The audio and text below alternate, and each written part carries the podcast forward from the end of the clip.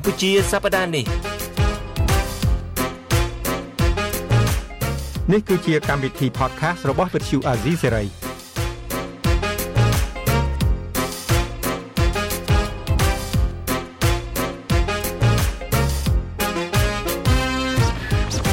បាទជាបាទជនជនវត្តស៊ូមជម្រាបសួរលោកអ្នកនាងកញ្ញាយើងជួបគ្នាជាថ្មីទៀតហើយក្នុងនេតិ podcast របស់ Azizi Serai កម្ពុជាសប្តាហ៍នេះ ជំរាបសួរបងជនចិនបុតហើយខ្ញុំសំពូលីក៏សូមជម្រាបសួរមិត្តអ្នកស្ដាប់របស់វិទ្យុអេស៊ីសេរីទាំងអស់ដែរបាទបាទជម្រាបសួរទៅអ្នកក្រៅមុនភ្លេចជម្រាបសួរពូលីអឺហើយទៅឆ្នាំថ្មីមកឡើងក៏ហ៊ាញហ៊ាញហើយពាក់មួកទៅដូចមេកងកពតចឹងនេះតាមពិតទៅការជ្រើសរើសយកមួកនឹងមកពាក់ហ្នឹងគឺថាចង់និយាយពី topic ដែលយើងបានទៅជែកគ្នាពី3សប្តាហ៍រួចមកហើយហ្នឹងបងគឺថាតាក់ទង រឿងរបបខ្មែរក្រហមហើយនឹងបញ្ញវន្តខ្មែរយើងមួយចំនួនហ្នឹងដែលបានលះបង់គ្រប់បែបយ៉ាងដើម្បីត្រឡប់ទៅប្រទេសកម្ពុជាវិញហ្នឹងនៅពេលដែលរបបប៉ុលពតអំពាវនាវទៅនៅពេលគេក្នុង19ឆ្នាំ1975ដែលគេគិតថាចប់សង្គ្រាមហ្នឹងបងបាទនឹងនិយាយអំពីប្រធានបទនឹងខ្ញុំចាប់អារម្មណ៍មែនតើដែលពូលីពីព្រោះថាបញ្ញវន្តខ្មែរសម័យនោះណា អឺហាក់ដូចជាមានទឹកចិត្តនឹងចង់វិលត្រឡប់មកកសាងជាតិនឹងសម្បំណាស់អ្នកខ្លះនឹងគឺនៅបារាំងទៅអ្នកខ្លះរៀនលម៉ង់អីចឹងទៅខ្ញុំជួបបញ្ញវន្តចាស់ចាស់នឹងទាំងអស់ដែរក្នុងជីវិតជាអ្នកកសែតពេលនេះនឹងសម្ភារគាត់ខ្លះអ្នកខ្លះក៏ឲ្យសម្ភារដើម្បីយកមកផ្សាយទៅអ្នកខ្លះគ្រាន់តែឲ្យដំណឹងឲ្យព័ត៌មានទៅគាត់សូមរស់នៅជាជីវិតឯកជនអីចឹងទៅប៉ុន្តែអ្វីដែលខ្ញុំស្ងាយសរសើរពួកគាត់ណាពូលីស្ងាយសរសើរត្រង់ថានៅពេលដែលឮការអំពាវនាវដើម្បីឲ្យវិលត្រឡប់មកជួយកសាងជាតិវិញគឺថាសុខចិត្តលះបង់អស់ហើយទ្រព្យសម្ភារៈអីបែបណាក៏ដោយលះបង់វិញមកប្រវេចមកដើម្បីមកកសាងជាតិហើយអ្នកខ្លះទៀតមិនបានត្រឡប់មកប្រទេសកម្ពុជាភ្លាមទេគេបញ្ជូនទៅពេលកាំងអីចឹងទៅអ្នកខ្លះប្រាប់ថាពេលទៅដល់ពេលកាំងនឹងចិនទទួលមហូបអាហារអីហ្នឹងមកពេលនឹង10បុក12បុកអីចឹងរហូតទៅដល់ទង្វចុងភៅចិនណាប្រាប់ថាគុំធ្វើមហូបឲ្យខ្ញុំនឹងច្រើនមុខពេកអីខ្ញុំសុំតែមួយមុខឬពីរមុខបានហើយពីព្រោះថាកុំឲ្យអាជីវភាពរបស់ពួកគាត់នឹងហាក់ដូចជាខុសគ្នាប្លែកពេកពីជីវភាពរបស់អ្នកនៅក្នុងប្រទេសកម្ពុជាអីជាដើមណាឃើញថាពួកគាត់នឹងគឺបញ្ញវន្តខ្មែរចំនួនណាក៏ដូចចំនួនណាដែលហាក់ដូចជាសិក្សាទៅចាប់ផ្ដើមមានចិត្តអាណិតប្រទេសជាតិហើយចង់វិលត្រឡប់ទៅជួយកសាងប្រទេសជាតិវិញ តាមពិតទៅរឿងហ្នឹងខ្ញុំមានបងប្រុសខ្ញុំម្នាក់បងអឺគាត់កាលនោះការចំនួនអឺលន់ណលហ្នឹងគាត់ធ្វើទាហានអាមេរិកណាបាទនៅកំពង់សោមហ្នឹងហើយបន្ទាប់មកហ្នឹងនៅពេលដែលខ្មែរក្រហមគេឈ្នះហ្នឹងពួកគាត់នាំគ្នាបើកកប៉ាល់ទៅចតចោលនៅហ្វីលីពីនបាទហើយបន្ទាប់ពីនោះមកបាននាំគ្នាមកនៅសហរដ្ឋអាមេរិកហ្នឹងហើយបន្ទាប់ពីឮគេអំពាវនាវ តាមពិតបងប្រុសនឹងឈ្មោះបងស៊ូខ្ញុំស្គាល់គាត់ច្បាស់ណាស់កាលខ្ញុំនៅតូចតូចជួបគ្នានៅភ្នំពេញគាត់មកលេងផ្ទះអីហ្នឹងបងប្រុសរបស់ខ្ញុំប្រាប់ថាបងស៊ូអឺដូចបងបងជុនច័ន្ទបតបាននិយាយមិញអញ្ចឹងមកដល់ស្រុកនេះរស់សុខសบายហើយคล้ายទៅជានិស្សិតមានលុយមានកាក់មានចាយប៉ុន្តែក្នុងពេលជាមួយគ្នានោះគិតថាប្រទេសជាតិត្រូវការគាត់ហើយក្នុងពេលជាមួយគ្នានឹងប្រជាពលរដ្ឋខ្មែរយើងនឹងក៏ខ្វះខាតអញ្ចឹងគេអំពាវនាវថាឲ្យទៅ អ្នកឯងចេះអីត្រូវត្រឡប់ទៅវិញដើម្បីជួយកសាងប្រទេសបងប្រុសខ្ញុំប្រាប់ថានៅពេលដែលបងស៊ូត្រឡប់ទៅស្រុកខ្មែរវិញមកដល់ពេលនេះអត់ទាន់ឡែឮសំឡេងអីពីបងស៊ូទេហើយតាមបើគេដឹងតាមដែលគេសន្និដ្ឋានទៅពេលកាំងណាបងដូចបងនិយាយចឹងបន្ទាប់មកគេបញ្ជូនទៅស្រុកខ្មែរហើយសម្រាប់ចោលតាំងពីពេលនោះមកបាទនឹងគឺជារឿងអភ័ព្វមួយដែលមេដឹកនាំ ឃើញបញ្ញវន្តខ្មែរឃើញពលរដ្ឋរបស់ខ្លួនឯងអ្នកចេះដឹងស្ម័គ្រចិត្តវិលត្រឡប់ទៅវិញហើយក៏ប៉ុន្តែទីបំផុតគឺជាការបោកប្រាស់យកទៅសម្លាប់ចោលហើយទីបំផុតទៅធ្វើឲ្យអារបួសអាការភ័យខ្លាចអាមេរៀនប្រវត្តិសាស្ត្រហ្នឹងវាហាក់ដូចជាដកជាប់នៅក្នុងទ្រូងដល់បច្ចុប្បន្នហ្នឹងណាសម័យនេះដូចគ្នាអំពាវនាវឲ្យបញ្ញវន្តអ្នកនៅក្រៅប្រទេស ជាពិសេសអ្នកណាដែលខាងមេដឹកនាំក្រុងភ្នំពេញនឹងគិតថាអាចគ្រោះថ្នាក់ដល់ការដឹកនាំអំណាចរបស់គេហ៊ាននិយាយហ៊ានរិះគន់អញ្ចឹងទៅ គេយកទៅគេសម្លាប់បំបិតមាត់ចោលប៉ុន្តែគ្រាន់តែសម្លាប់លើនេះមិនមែនសម្លាប់ដបងជាប់សម្លាប់នឹងបាញ់ចោលដោយសម័យខ្មែរក្រហមទេសម្លាប់នឹងអំណាច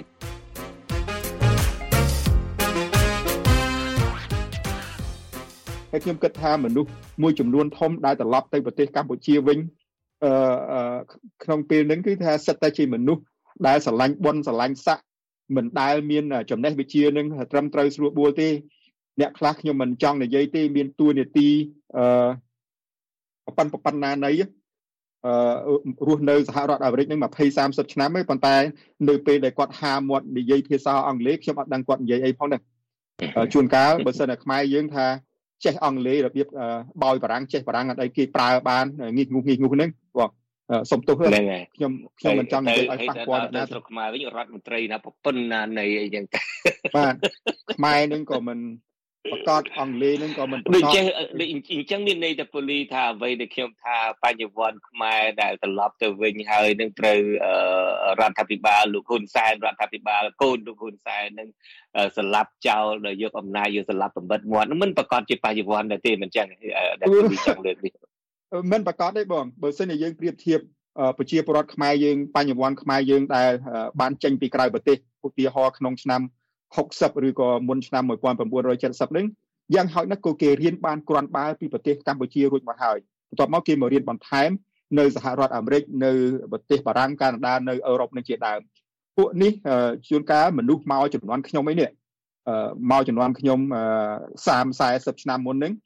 អឺមិនបានរៀនមិនបានសូត្រអីទេទៅធ្វើការរោងចក្រទៅធ្វើអីអញ្ចឹងទៅអ្នកខ្លះធ្លាប់លាងចានលាងឆ្នាំងធ្វើនៅរេស្តូរ៉ង់រត់តុករត់អីអញ្ចឹងទៅ ដល់ពេលត្រឡប់ទៅដល់ប្រទេសកម្ពុជានឹងដែលមិនដឹងតាក់ទងអ្នកណាសោកលុយអ្នកណាត្រូវអ្នកណាទៅអែបអបអ្នកណាទៅលុតលូនអីយ៉ាងរបៀបមិនទេបន្ទាប់មកឃើញជាមានតួនាទីជាឯកឧត្តមជាអីចឹងទៅហើយអ្នកនេះមិនដូចយើងដឹងហើយមិនប្រកាសទេបើសិនជា មានបនមានស័កមានមានការចេះដឹងអីមែនតែត្រឹមត្រូវស្រួលបួលគេគិតវែងឆ្ងាយដែរទៅបងមុនទៅធ្វើខ្ញុំគេអញ្ចឹងដូចថាខ្ញុំដូចបងឯងនិងខ្ញុំអញ្ចឹងយើងខំរៀនខំសូត្រ បានប៉ុណ្្នឹងហើយចេះប៉ុណ្្នឹងហើយតើយើងសុខចិត្តទៅធ្វើខ្ញុំអាឆ្កែណា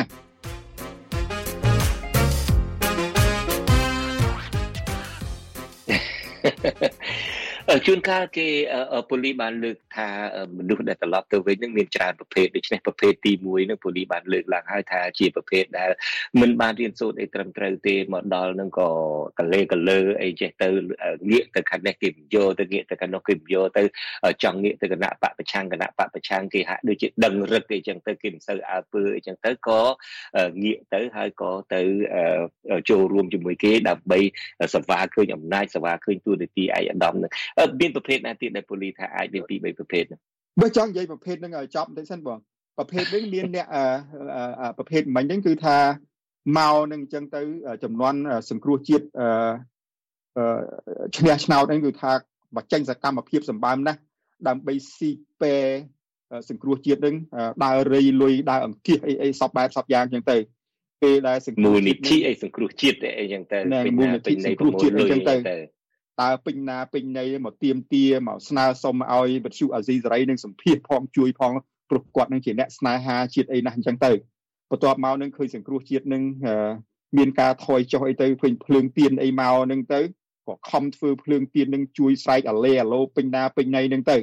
ដល់ពេលភ្លើងទៀននឹងមិនគ្មានការបោះឆ្នោតអីគេមិនឲ្យចូលរួមបោះឆ្នោតអីទៅក៏ទៅរត់ចុះលោតឡើងទៅឥឡូវទីបំផុតឃើញក៏ហឺហឺនៅស្រុកខ្មែរនោះ ទៅលើកក្រាបជាមួយលោកហ៊ុនសែននឹងអញ្ចឹងសូមបើកវងកញ្ចក់ទីអញ្ចឹងមានន័យថាអឺអ្នកដែលរត់ចូលហ៊ុនសែននឹងមិនប្រកាសជាស្ម័គ្រស្មោះអីជាមួយលោកហ៊ុនសែនស្ម័គ្រស្មោះអីជាមួយលោកហ៊ុនម៉ាណែតអីទេពួកលោកហ៊ុនម៉ាណែតលោកហ៊ុនសែនអីហ្នឹងក៏មិនគិតថាពួកនឹងស្ម័គ្រស្មោះអត់ដែរក៏ប្រកាសថាយកអំណាចរបស់រដ្ឋនឹងយកលុយរបស់រដ្ឋនឹងទៅទិញបំបិតមាត់តែប៉ុណ្្នឹងឯងខ្ញុំថាជួនកាលគេដូចមិនទិញអីផងពួកនេះជាចៃសង្គមពួកនេះជាថង់ផ្លាស្ទិកអីចឹងទៅ យកទៅប្រើអីមកទទូសទៅបំបិតមាត់ចោលទៅបាទអញ្ចឹងមើលទៅដូចជាអភ័ព្វដែរចំពោះមនុស្សដែលនៅជុំវិញខ្លួនលោកហ៊ុនម៉ាណែតឥឡូវជាពិសេសការយកទៅពីក្រៅប្រទេសអីហ្នឹងដូចជាយកទៅជាមិនបានកាយមិនមែនជាមនុស្សស្មោះស្ម័គ្រអីណាស់ណាទេគេគ្រាន់តែយកទៅហ្នឹងដើម្បីទិញយកទៅបបិទមាត់អាហ្នឹងងាកមកដូចយើងនិយាយចំនួនអពតអញ្ចឹងទុកអ្នកបញ្ញវន្តនៅក្រៅប្រទេសច្រើនទៅក្រៃលោកបញ្ញវន្តប្រមូលផ្ដុំទៅជាចលនាអីមួយទៅដើម្បីអាច ធ្វើយ៉ាងណាទៅផ្ដួលរដ្ឋអំណាចខ្មែរក្រហមអីនឹងចឹងទៅដូច្នេះអំពាវនាវយកមកទៅដើម្បីគ្រាន់តែធ្វើយ៉ាងណាដើម្បីបំបត្តិពូជខ្មែរនៅក្រៅប្រទេសបំបត្តិពូជអ្នកប្រឆាំងសូឥឡូវហ្នឹងក៏ដូចគ្នាដែរពួកគាត់មិនប្រកាសដឹងច្បាស់ដែរថាអ្នកដែលចុះចូលអីទៅនឹងតាមការបង្ខំគម្រាមកំហែងក្តីតាមការទិញដោយទ្រព្យសម្ភារៈតាមការទិញដោយអំណាចអីរដ្ឋមន្ត្រីអមប្រតិភូអមនាយករដ្ឋមន្ត្រីខ្ញុំនិយាយមិនដែលត្រូវទេអាស្អីគេនឹង ស្អីគេតំណែងស្អីគេនឹងរដ្ឋមន្ត្រីអមនាយករដ្ឋមន្ត្រីអីអីនឹងអញ្ចឹងទៅគឺថាធ្វើយ៉ាងណាគ្រាន់តែថាទិញឲ្យអស់សំលេងនឹងប្រឆាំងហើយមើលទៅឃើញពួកនឹងនឹងកលេកលោសម្លឹងឲ្យទៅថាអឺនិយាយរួមដូចក្លៀននុយណាឲ្យគេបោះនុយមកនឹងនុយថៃស្អុយគេដោយនុយចលៀនស្អុយគេដោយតបាក់ក្លឹបអីទៅអីចឹងទៅដូច្នេះក៏យកទៅនឹងដើម្បីធ្វើយ៉ាងណាដើម្បីបំបត្តិ ពូជអ្នកដែលបំបត្តិអ្នកដែលអាចមានសក្តានុពលភាពក្នុងការចូលរួមប្រឆាំងនឹងអំណាចរបស់គេធ្វើយ៉ាងណាដើម្បីអំណាចរបស់គេទាំងអស់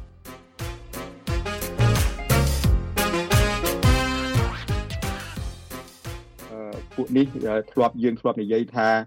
មានមនុស្សមួយចំនួននឹងគឺថាដូចជាអ្នកអីស្លឹកចេកចឹងគេប្រើឲ្យគេកវត្តចោលពួកនេះ ប្រើហើយកវត្តចោលអត់មានទៅតានៅបង្កើតបញ្ហាពេញសង្គមដូចជាថង់ផ្លាស្ទិកអញ្ចឹងបងរាប់រយឆ្នាំរាប់រយឆ្នាំនៅនឹងប៉ុន្តែក្នុងចំណុចនេះក៏ខ្ញុំគិតថាល្អដែរបងខ្ញុំគិតថាល្អដែរល្អថានៅពេលដែលប្រទេសយើងប្រទេសកម្ពុជាមានសន្តិភាពពិតប្រាកដមានការអនុវត្តលទ្ធិប្រជាធិបតេយ្យពិតប្រាកដអឺយើងដឹងថាអ្នកណាដែលជាមនុស្សតស៊ូស្មោះស្ម័គ្រ អ្នកណាដែលជាមនុស្សឱកាសនិយមដើម្បីឆ្លៀតដើម្បីផលប្រយោជន៍ខ្លួនឯងនឹងអញ្ចឹងខ្មែរយើងប្រជាពលរដ្ឋខ្មែរយើងគេយល់គេយល់គេដឹងគេទទួលស្គាល់ការពិតបងប៉ុន្តែធ្វើម៉េចកលៈទេសៈនេះឱកាសនេះត្រូវរៀនរស់រៀនអីជាមួយពួកគាត់នឹងមកសន្ទុះសិនទៅបាទដូចនិយាយចឹងក៏ម្យ៉ាងដែរប៉ូលីសទីបំផុតទាំងកនៅដល់កងកាមនៅដល់កាមចឹងទៅទីបំផុតក៏អ៊ុំស្ទេទៅទីបំផុតក៏វាបែកចែកចេះដែរក៏ទួទៅដល់ក៏ទួទៅ បាទកាមនឹងកាមនឹងកដែរកអីចឹងទៅបាទហើយមេគាត់ឥឡូវហ្នឹងក៏ក៏គេដឹងដែរតាមេគាត់ឥឡូវហ្នឹងដឹងតាមានជនពីលមណាម្នាក់នោះធ្លាប់មកទៀមទាឲ្យអាស៊ីសេរីនឹងសម្ភាររហូតជាសម្ដេចគាត់តែរហូតហ្នឹងដល់ពេលថ្ងៃណាមួយយើងឃើញនាំគ្នាទៅបាតកម្មប្រឆាំងសម្ដេចគាត់ហ្នឹងតែ2នាក់ទេឥឡូវសម្ដេចគាត់គឺថារលេខដាក់អត់បានទេឲ្យក្នុងពេលជាមួយគ្នានឹង កាលមុនទេលេហ្វូនមកអាស៊ីសេរីមកងេះងេះងេះងេះហ្នឹងដើម្បីឲ្យអាស៊ីសេរីមានតែអាស៊ីសេរីទេណាហ្នឹងហើយមានតែអាស៊ីសេរីទេមានតែជិនចាត់បុតទេណាឥឡូវជីឥឡូវជេយើងមិនជាអត់ទៅបាត់កាន់ដល់នឹងជេហើយមួយថ្ងៃមួយនាំគ្នាជេបន្តិចអីគ្មានឆន្ទៈអីត្រឹមត្រូវស្រួលបួទេហើយអត់មានគេអត់មានខ្មាស់ទេមុខក្រាស់ដូចស្អីទេមុខក្រាស់ដូចស្អីទេដូចដូចកង់ឡានត្រាក់ទ័រអញ្ចឹង អ្វីដែលយើងនិយាយនេះមិនមែនជារឿងប្រឌិតទេគឺជារឿងពិតដែលកំពុងតែកើតមានឡើងនៅក្នុងសង្គមនៃប្រទេសកម្ពុជាគ្រាន់តែទៅពេលនេះយើងមិនចង់និយាយឈ្មោះបុគ្គលទាំងអស់នោះទេទី1វាច្រើនពេកទី2យើងទោះបីខ្ញុំប្រើពាក្យថាច្រើនណារាប់ដៃបានហ្នឹងមនុស្សរាប់ដៃបានតែមានចូលច្រើនសង្រាប់ហ្នឹងរាប់នឹងអស់ឥឡូវមកស្ទុះរាប់អស់ឥឡូវហ្នឹងមនុស្សដែលយើងស្គាល់ស្គាល់បើយើងធ្វើចេះវិញថាយើងខ្ជិលរាប់ យើងខ្ជិលរាប់ហ្នឹងហើយអត់ខ្ញុំបញ្ចេញឈ្មោះបាទយើងមិនចង់បញ្ចេញឈ្មោះទៅយើងទុកកិត្តិយសឲ្យពួកគាត់ទៅអ្នកស្ដាប់ក៏ដឹងដែរអ្នកស្ដាប់ក៏ដឹងដែរយើងចង់និយាយបាទ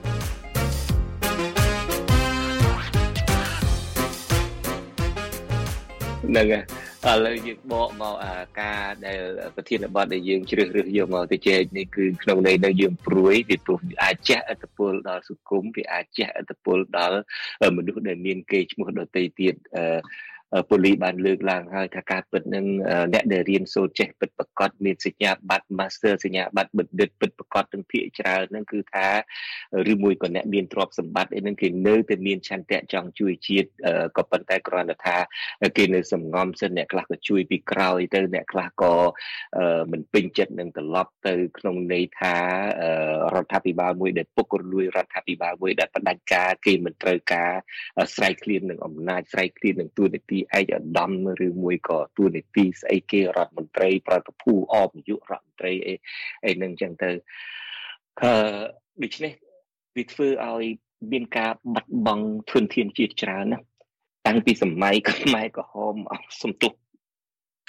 តាំងពីសម័យខ្មែរក្រហមនឹងមកអញ្ចឹងយើងកសាងជាតិនឹងវាអត់ទៅមុខសោះឥឡូវនេះទៀតក៏ដោយចុះយើងរំដោះខ្លួនចេញពីរបបខ្មែរក្រហមក្រោមការ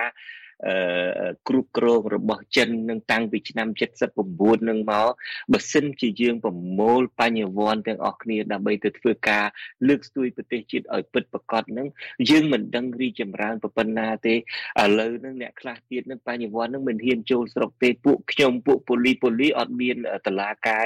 ចេញនៃការចាប់ខ្លួនទេក៏ប៉ុន្តែប៉ូលីមុខមេអាស៊ីសេរីប៉ុណ្ណាណីមិនដឹងតែគេធ្វើកបែបណា មិនអញ្ចឹងហេតុស្រួយនឹងចុះពីកប៉ាល់ហោះទៅនឹងគេឆែកវ៉ាលីទៅសក់គ្រឿងញៀនក៏មិនដឹងនៅក្នុងនឹងមិនអញ្ចឹងខ្ញុំការពិតណាបើកមុខកញ្ចក់បន្តិចណានៅពេលដែលខ្ញុំទៅស្រុកខ្មែរកាលពីសម័យនោះពីព្រោះយើងដឹងហើយពួកនេះអំពើថោកទាបបែបណាក៏ហ៊ានធ្វើដែរណា ខ្ញុំនឹកឃើញថាបើគេធ្វើរកលេសយើងនេះមិនបានទេគេអាចរកលេសយើងនឹងខ្ញុំភ័យណាស់ម្ដងម្ដងនៅពេលដែលគេចង់ឆែកអីវ៉ាន់ខ្ញុំនឹកឃើញងាប់ហើយ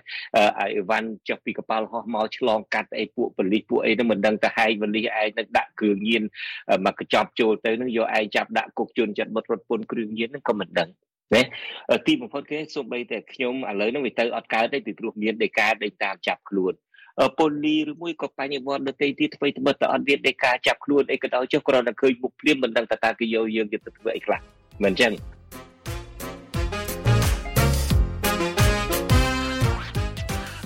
ហ្នឹងហើយ យើងមានធនធានធម្មជាតិយើងមានកត្តាធម្មជាតិមួយដែលយើងអាចរស់នៅស្រួលយើងមានខ្មែរនៅជុំវិញពិភពលោកប៉ូលីលើកនឹងតែអាមេរិកទេក៏ប៉ុន្តែនៅអូស្ត្រាលីនៅជប៉ុននៅបារាំងនៅអាល្លឺម៉ង់សិតតែជំនាញហើយសិតតែមានឆន្ទៈមិនទាន់ស្រកស្រត់ទេមានឆន្ទៈស្តៀងនឹងសម័យខ្មែរក្រហមដែលមានឆន្ទៈចង់វិលត្រឡប់ទៅកសាងជាតិដោយមិនសម្លឹងឃើញទូនាទីអីហ្នឹងប៉ុន្តែទីបំផុតអ្វីដែលពួកគាត់ទៅប្រមូលបានអ្វីដែលរដ្ឋាភិបាលរដ្ឋាភិបាលលោកហ៊ុនសែនរដ្ឋាភិបាលកូនរបស់លោកហ៊ុនសែនប្រមូលបានសុទ្ធតែជាមនុស្សដែលត្រូវការតំណែងសុទ្ធតែជាមនុស្សដែលបាទសិតតែប្លង់ផ្លាស្ទិកទាំងអស់ហើយអានឹងហើយដែលយើងយកមកទៅចែកថាជាការសោកស្ដាយមួយដែល ធនធានជាតិយើងខ្មែរក្រហមនឹងសម្លាប់អស់មកកគោកហើយ30 40ឆ្នាំក្រោយមកមានធនធានច្រើនហើយប៉ុន្តែទីបំផុតត្រូវរស់ខ្ចាស់ខ្ចាយហើយអត់ហ៊ានចូលរួមនៅក្នុងការកសាងប្រទេសនឹងបានអាចចូលបានដូចយើងចេះបងមិនមែនថាគេមិនហ៊ានចូលរួមទេបើសិនជាមានអ្នកដឹកនាំប្រទេសត្រឹមត្រូវស្រួលបួលនេះខ្ញុំគិតថាខ្មែរយើងនៅបរទេសមួយចំនួនត្រឡប់ទៅវិញហើយ ប៉ុន្តែមូលហេតុដែលគេមិនទៅព្រោះគេអត់ចង់คล้ายទៅជាទាសកលដែលគេត្រូវយកទៅបំបត្តិមាត់ចោលហើយអត់បានប្រើជំនាញចំណេះវិជ្ជាដែលដែលគេបានសិក្សារៀនសូត្រ20 30ឆ្នាំមកហើយបង នឹងចំណុចហ្នឹងឯងហ្នឹងឯងដែលខ្ញុំថាពួកគាត់មិនទាន់ទៅនឹងគឺក្នុងន័យនឹងយើងខ្លួនយើងក៏អញ្ចឹងដែរយើងសម័យមើលពូលីឯងខ្ញុំឧបមាថាមិនបាច់យកជាអ្នកដទៃទេយើងថាយើងមិនដឹងចិត្តគេណាឥឡូវចិត្តខ្ញុំចិត្តពូលីតើទៅយ៉ាងម៉េចកើតទៅធ្វើយ៉ាងម៉េចនឹងឧបមាថាឥឡូវហ្នឹងស្ម័គ្រចិត្តថាឥឡូវទៅទៅជួយតាមជំនាញរបស់យើងដែលទៅជួយខ្ញុំក៏មានជំនាញអីដទៃទៀតក្រៅទៅពីជំនាញអ្នកកសែតដែលលោកអ្នកនាងកញ្ញាបានស្គាល់ដែលពូលីស្គាល់នេះក៏ខ្ញុំរៀនសូត្រអីដទៃទៀតក៏ប៉ុន្តែយើងសម័យថាតើយើងយើងយកជំនាញរបស់យើងនឹងទៅធ្វើការទេគេអនុញ្ញាតឲ្យយើងធ្វើទេអត់ធ្វើការទេមានម្ដងនោះមានម្ដងនោះពីក្រោយឆាកមកនឹងគេទាញខ្ញុំដើម្បីឲ្យចូលទៅដឹកនាំស្អីអីណាស្ថាប័នកសែតស្អីអីណាអីពេញណាពេញណីអីចឹងទៅហើយអ្វីដែលខ្ញុំឆ្លើយទៅគេថាតើអ្វីដែលខ្ញុំធ្វើរាល់ថ្ងៃហ្នឹងខ្ញុំទៅធ្វើកើតទេកន្លែងនោះ នៅពេលដែលយើងទៅជែកកាលនឹងឯងយើងដឹកនាំប្រតិភូមកក្រុមទៅ ដើម្បីទៅទៅជែកចរចាហ្នឹងគេថាណាហើយសូម្បីតែឧបមាថាបើហៅលោកនាយករដ្ឋមន្ត្រីហ៊ុនសែនហ្នឹងគាត់ទៅច្រឡំមាត់ហៅត្រឹមនាយករដ្ឋមន្ត្រីហ៊ុនសែនហ្នឹងមួយម៉ាត់ហ្នឹងគាត់ទៅ show ហ្នឹងអត់ទាន់ចប់ផងគេទេលេហ្វូនមកគម្រាមកំហែងចង់ដកបញ្ចូលជើងបាត់ហើយហ្នឹងហ្នឹងហើយបាទទៅធ្វើអីទៅជំនាញយើងយកទៅធ្វើអីកើតទៅរាយការណ៍ព័ត៌មានពិតឯណាកើតទៅ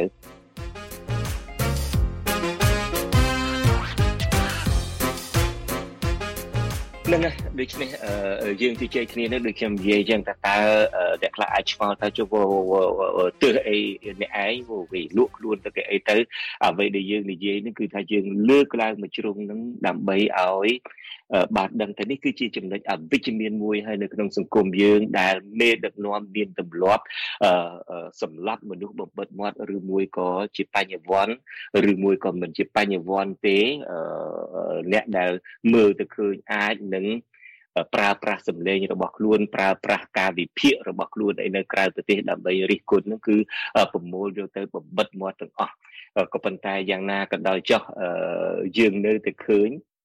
មុននឹងបិទកិច្ចសន្ទនារបស់ប៉ូលីខ្ញុំពេលនេះហ្នឹងការពិតយើងនៅតែមានសង្ឃឹមយើងធ្លាប់ទៅជែកម្ដងហើយម្ដងទៀតក៏យើងនៅមានបញ្ញវន្តពិតប្រកបនៅមានអ្នកស្នេហាជាតិពិតប្រកបលោកបណ្ឌិតកែមលីធ្វើទៅពិតតែដឹងថាគេនឹងសម្លាប់គាត់គាត់បានប្រើពាក្យហើយរាល់ការវិភាគរាល់ការនិយាយការពិតម្ដងម្ដងខ្ញុំមិនដែលគិតថាខ្ញុំនៅមានជីវិតទេតែបើខ្ញុំមិននិយាយតើអ្នកណានិយាយអ្នកណាជាគំរូដល់យុវជនយើងឃើញមានលោកជីវិជាណាសុកចិ ត្តតវ៉ាដើម្បីធ្វើយ៉ាងណាឲ្យកម្មករនឹងមានប្រាក់បំណាច់នឹងត្រឹមត្រូវទីបំផុតគេសម្លាប់គាត់ចោលទៅណាមានកញ្ញាសេងធារីសុខចិត្តលះបង់សេរីភាពរបស់ខ្លួនលះបង់ភាពសុខសាន្តរបស់ខ្លួនដើម្បីតតាំងទៅនឹងការគៀបសង្កត់សិទ្ធិសេរីភាពដើម្បីតតាំងទៅនឹងលើកស្ទួយសិទ្ធិក្នុងការនិយាយស្ដីដឹងតែគេសម្លាប់គាត់ដឹងតែគេអាចចាប់គាត់ដាក់ពន្ធនាគារក៏ដោយចុះគាត់អាចជិះកប៉ាល់ហោះវិច្ចប្រវិច្ចឡើងកប៉ាល់ហោះពេវណាក៏បានក៏ប៉ុន្តែគាត់សម្រេចចិត្តថាគាត់នៅតែតតាំងចំពោះអ្វីដែលគាត់ជល់ថា